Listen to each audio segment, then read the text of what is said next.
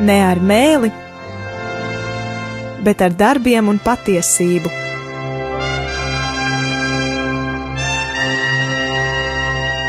Atvērsim svētos rakstus un studēsim kopā. Māca Jēkabs, Dieva un Kunga Jēzus Kristus kalps.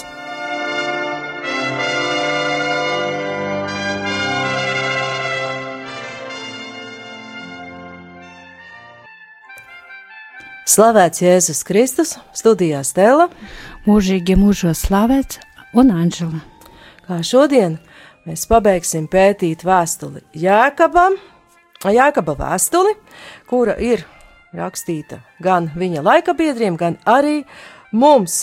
Pagājušo reizi mēs runājām par pacietību ciešanās, mēģinot izprast, kas īsti šī pacietība ir, ka tā ir darbīgs stāvoklis, nevis pasīva nogaidīšana, ka pacietība nozīmē arī atrast katrai lietai īsto laiku un sagaidīt kunga darbību konkrētajā laikā.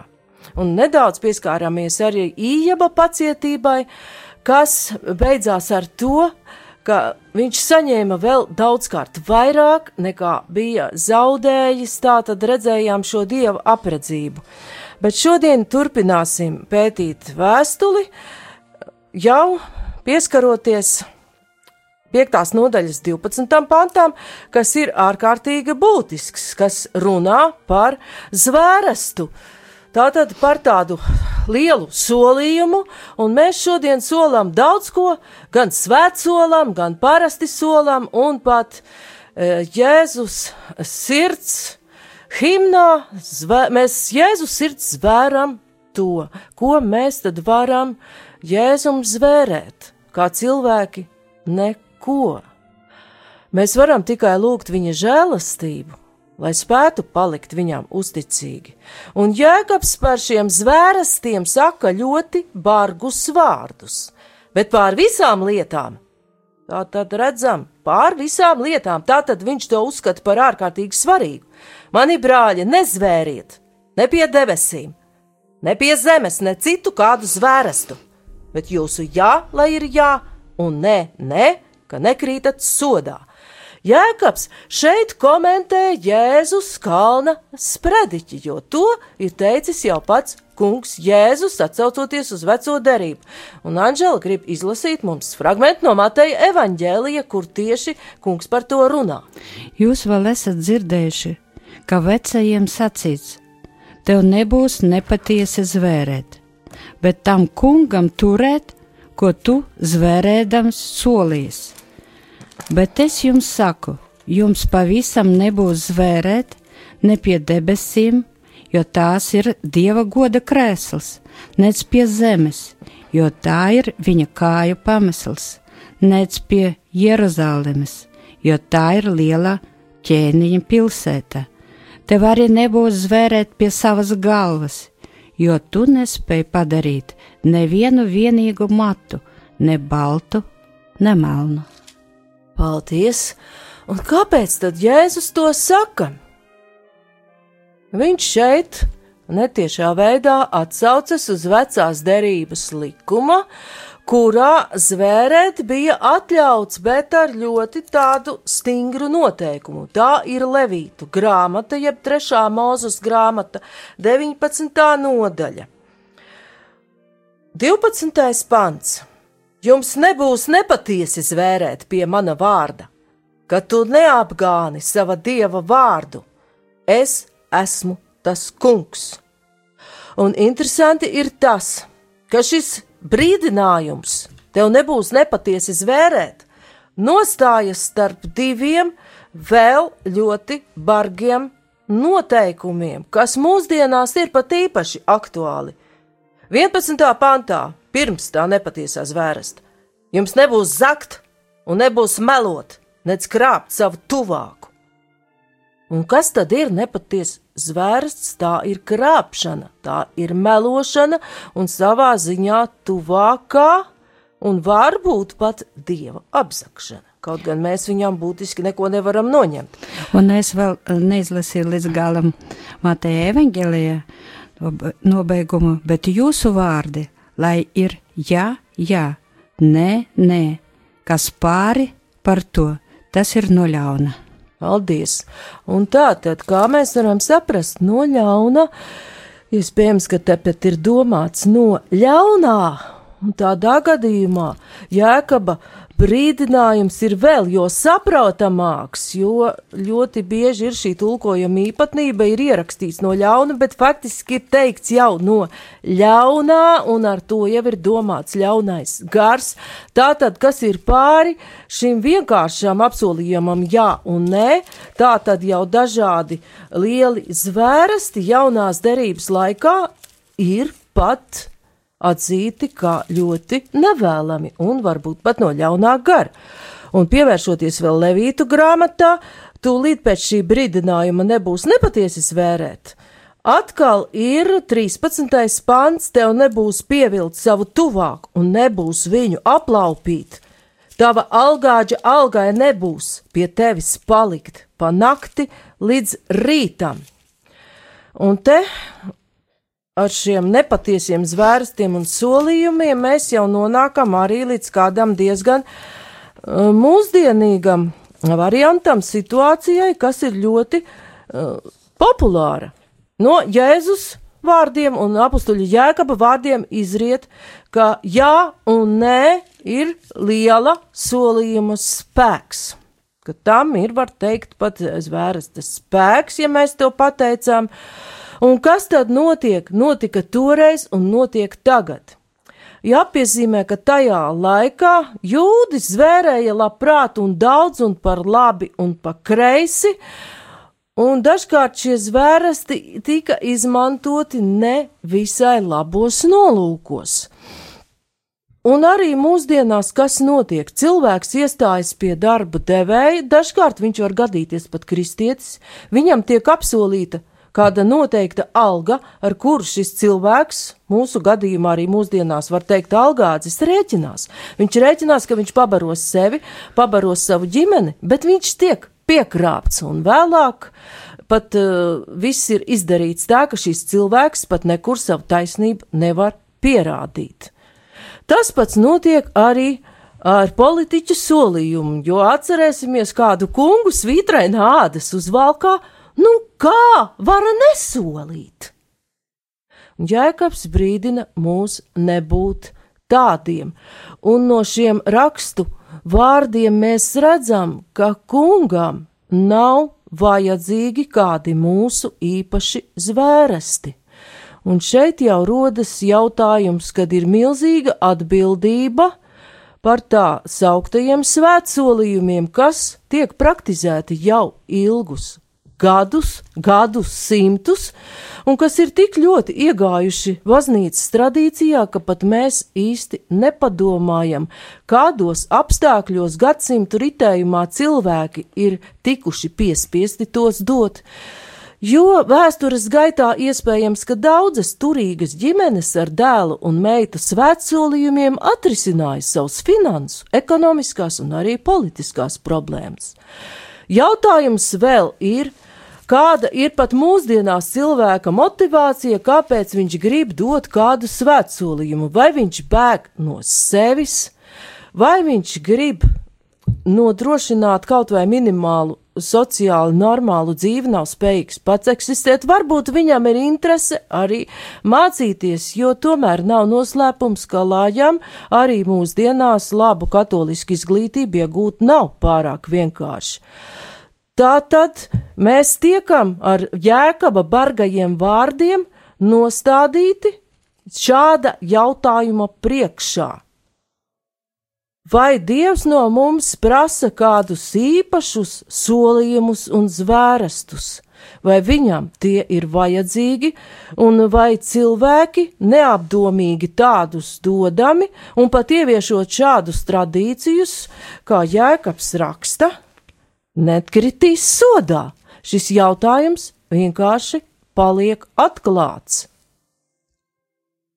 Un paši mēs tiešām centīsimies, lai mēs izpildām to, ko solam, atnākt laikā, izdarīt lietas, ko esam solījuši izdarīt, kaut vai arī labi izpildīt to, ko mēs esam solījuši parakstot darba līgumu, mūsu tiešos darba pienākumus, ka sāksim ar mazumu, lai mūsu jā būtu jā un nē, nē.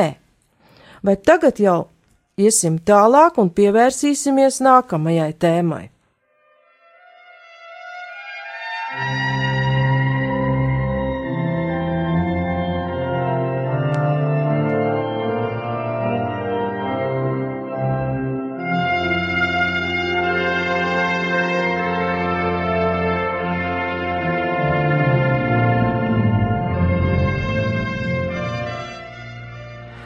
No 13. panta eh, Jēkabs maina jau tēmas un pievēršas it kā kaut kam pavisam citam, bet kā jau mūsu raidījuma cikla sākumā teica, šī vēstule ir komentārs eh, Kalnas prediķim un satur virkni morālisku pamācību, un kā redzam jau no iepriekš teikt tā, ka viņa vārdi liek uzdot ārkārtīgi daudz jautājumus mums pašiem, līdz cilvēkiem pat baznīcai kopumā, un pārdomāt par to, ko Dievs īsti no mums prasa.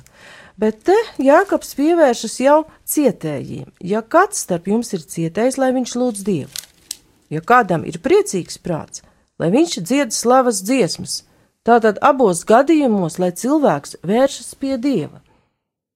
Jā, un eh, vēstulē efeziešiem ir teikts, ka un neapriebināties ar vīnu, no kā ceļas izlaidīga dzīve, bet topiet gara pilni, runādami cits uz citu psalmos, himnās un garīgās dziesmās, dziedādami un slavēdami to kungu savās sirdīs. Paldies! Un šis eh, vēstules efeziešiem fragments ietver arī to, ka cilvēks pat psalmos var lūgt Dievu arī, ja viņš cieš, jo psalmi ir ļoti dažādi raksturi, ir karaliskie, ir svēcēnieku psalmi, ir tādi psalmi, kur to autors ir rakstījis dziļās ciešanās, un atcerēsimies, ka arī pie krusta uh, Mans dievs, mans dievs, kāpēc tu mani esi atstājis? Jēzus lūdzas psalma vārdiem. Tā tad varam saprast, ka šīs himnas un psalmi ir cilvēkam derīga lūkšana katrā situācijā. Tā var lūkšana būt pēc palīdzības un arī slavēšanas lūkšana. Un tālāk ir jau ļoti svarīgi vārdi. Ja kāds starp jums ir nevesels, lai viņš attaicina draugus vecais, un tie lai lūdz Dievu par viņu, to svaidīdami ar eļu tā kunga vārdā. Un ko tad mēs te redzam? Nu jā, es vēl, eh, vēlētos atgādināt arī par tad, kad ir cietējis, jā, mēs arī varam viņam arī, lai palīdzēt lūgties par to cietēju, jā, par cilvēku, kuram ir kaut kādas ciešanas, un uh, vēstule efeziešiem arī par to saka. Ņemiet arī pestīšanas bruņu cepre un gara zobena, tas ir Dieva vārdu, ar visām lūkšanām un lūgumiem lūdziet Dievu garā ik brīdi, tai pašā nolūkā esiet nomodā un pastāviet savās aizlūkšanās par visiem svētajiem, arī par mani, lai mana muti droši atvērtos runai, un es bez bailēm varētu sludināt evaņģēlie noslēpumu. Paldies!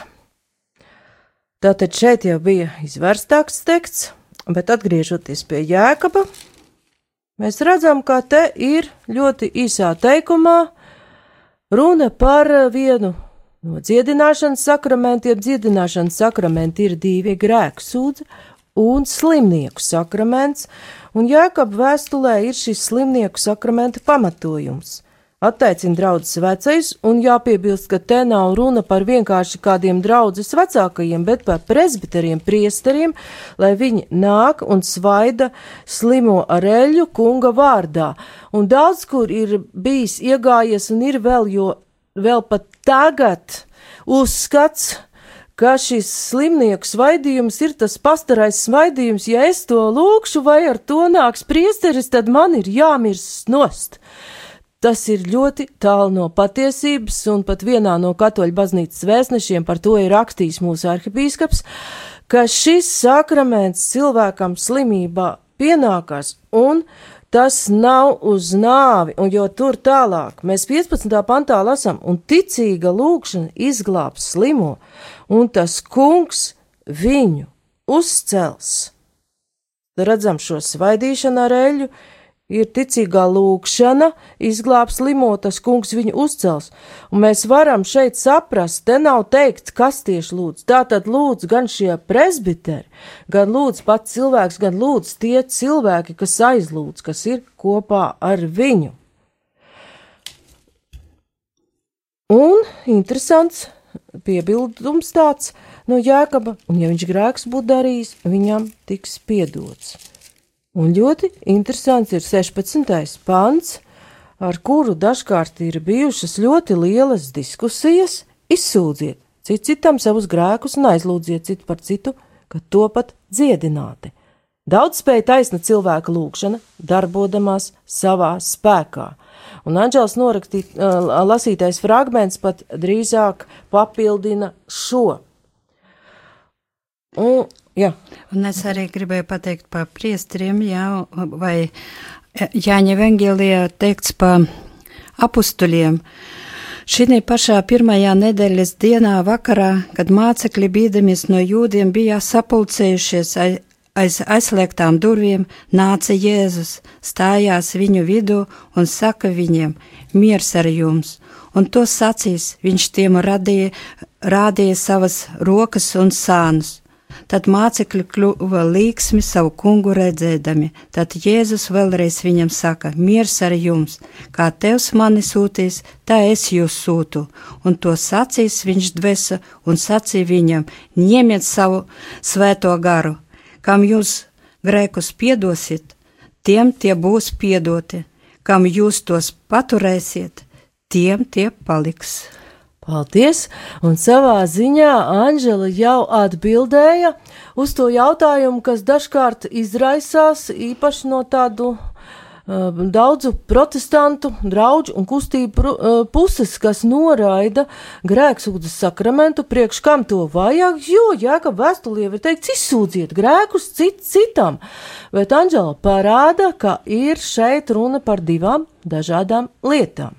Ka šī izsūdzēšana cit citam, pa kuru runā jēkabs, vēl nav grēksūdzes sakraments, kaut arī var uh, to arī ietvert, ka var tur arī būt klāt prīsteris, kas uzklaus.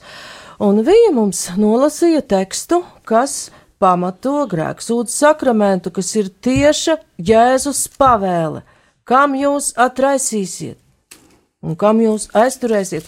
Un tas nav tikai Jāņa evaņģēlijā, pat to mēs varam lasīt vēl arī Mateja evaņģēlijā 16. nodaļā, 19. pantā. Un es arī pa 18. nodaļu pateiktu. Jā, arī tur. Mm -hmm. Patiesi es jums saku, ko vien jūs virs zemes siesit, tas būs siets arī debesīs, un ko vien jūs virs zemes atraisīsit, tas būs atraisīts arī debesīs. Paldies! Un lai mēs pārāk neatkārtotos, jo laiks iet uz priekšu, es 16. nodaļu 19. pantu šoreiz nelasīšu, jo tur ir ļoti līdzīgs eh, teksts, bet redzam, ka trijās vietās ir šī kunga pavēle, kas norāda uz eh, grēksūdzes sakramentu, kas dod apstuļiem šo varu. Tā tad Jēkabs runā vēl par kaut ko citu. Izsūdziet cit citam grēkus, kā komentētāji to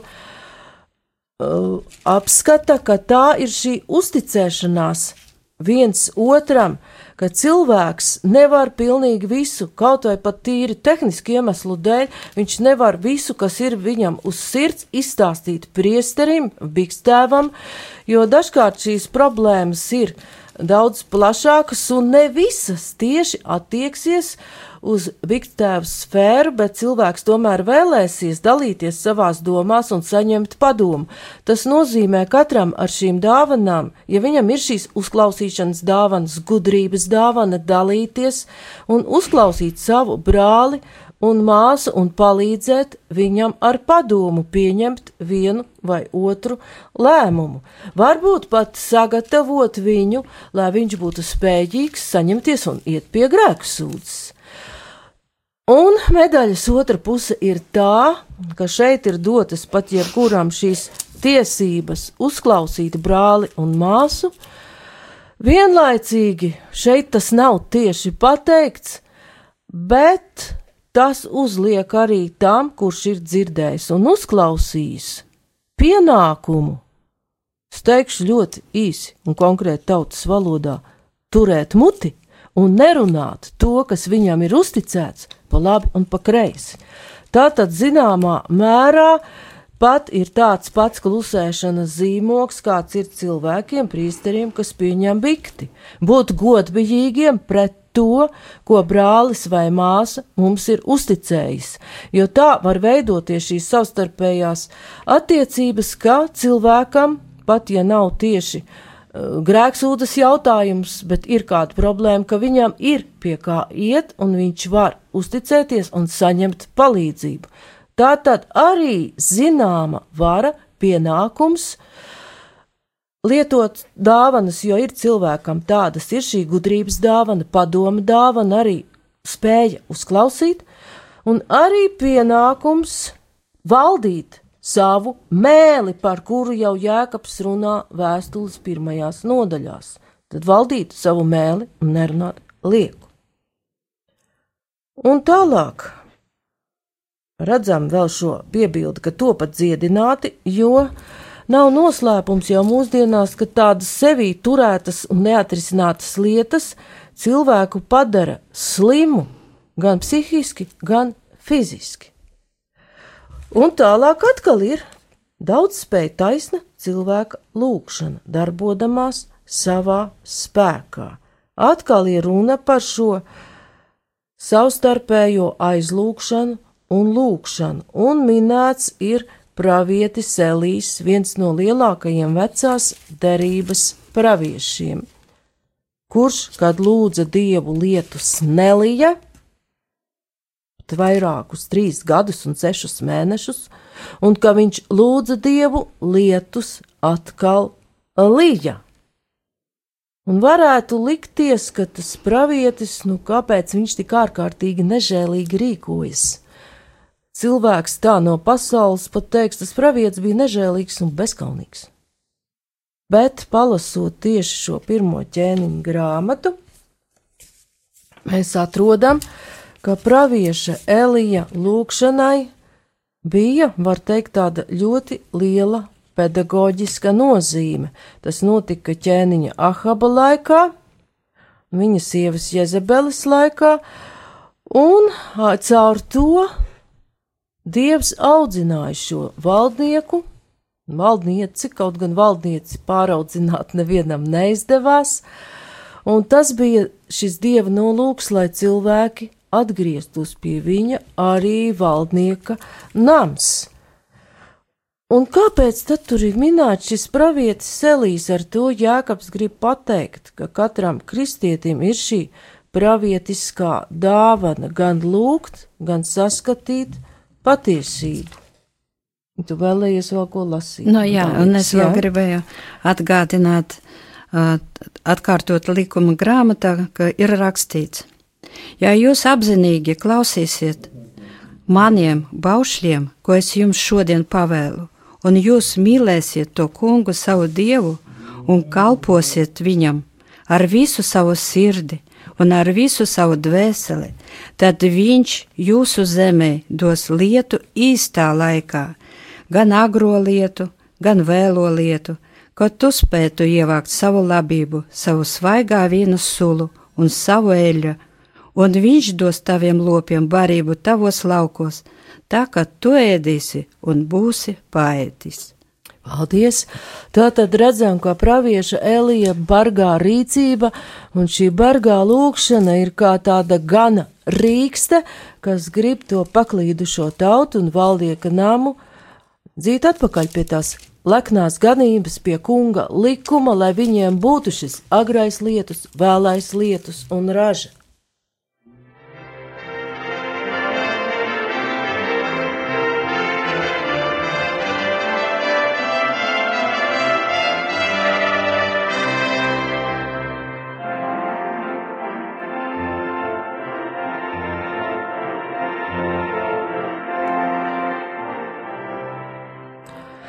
Un savu vēstuli Jākaps nobeidz diezgan netradicionāli, vairāk kā sprediķi.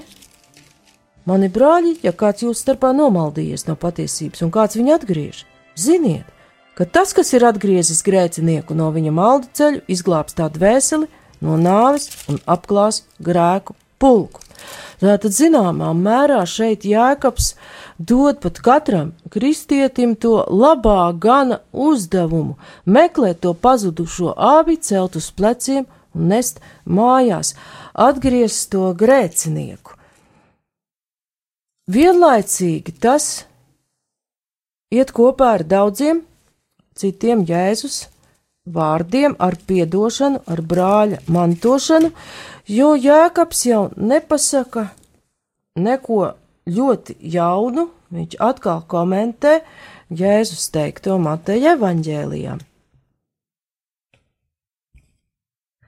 Jā, Mateja evaņģēlijā kungs saka 6. nodaļā 14. 15. pantā, un tas tomēr norāda, kā ar brāli runāt par tiem viņa grēkiem, jo, kad jūs cilvēkiem viņa noziegumus piedosit, tad jums jūsu debesu tēvs arī zem piedos.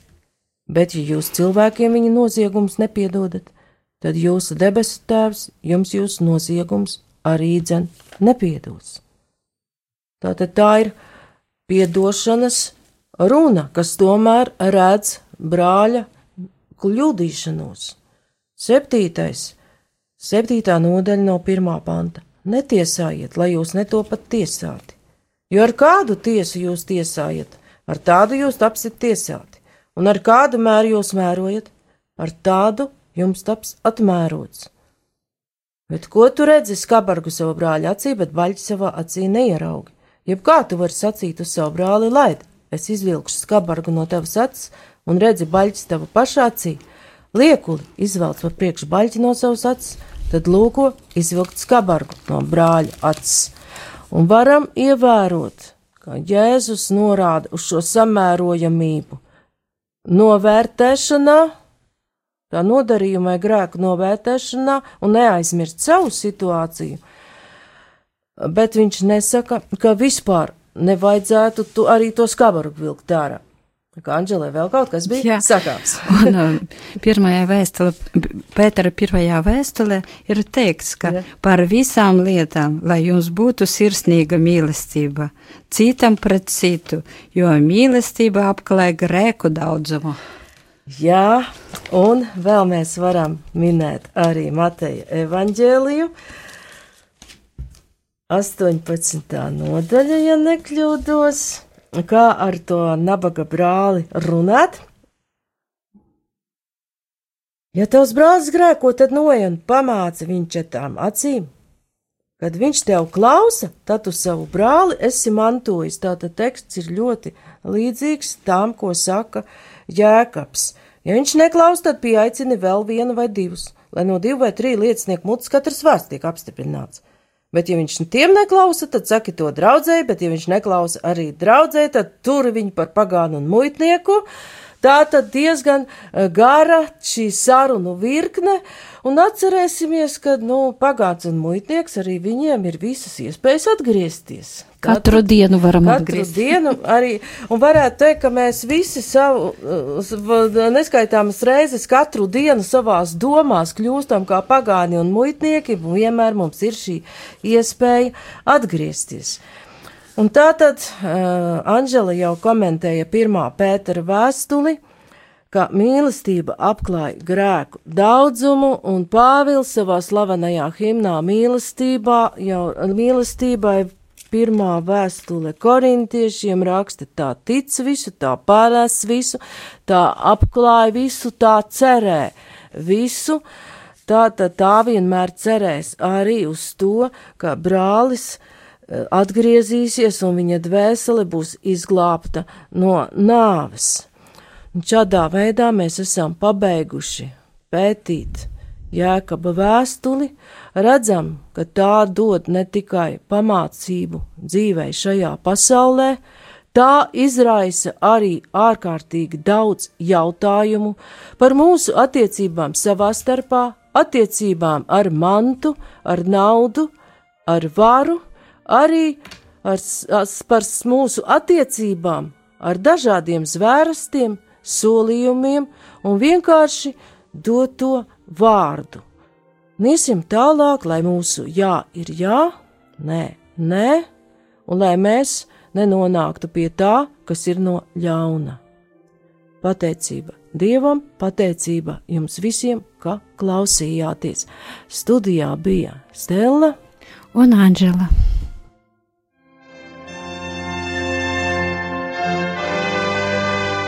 Izskanēja raidījums Ne ar mēli, bet ar darbiem un patiesību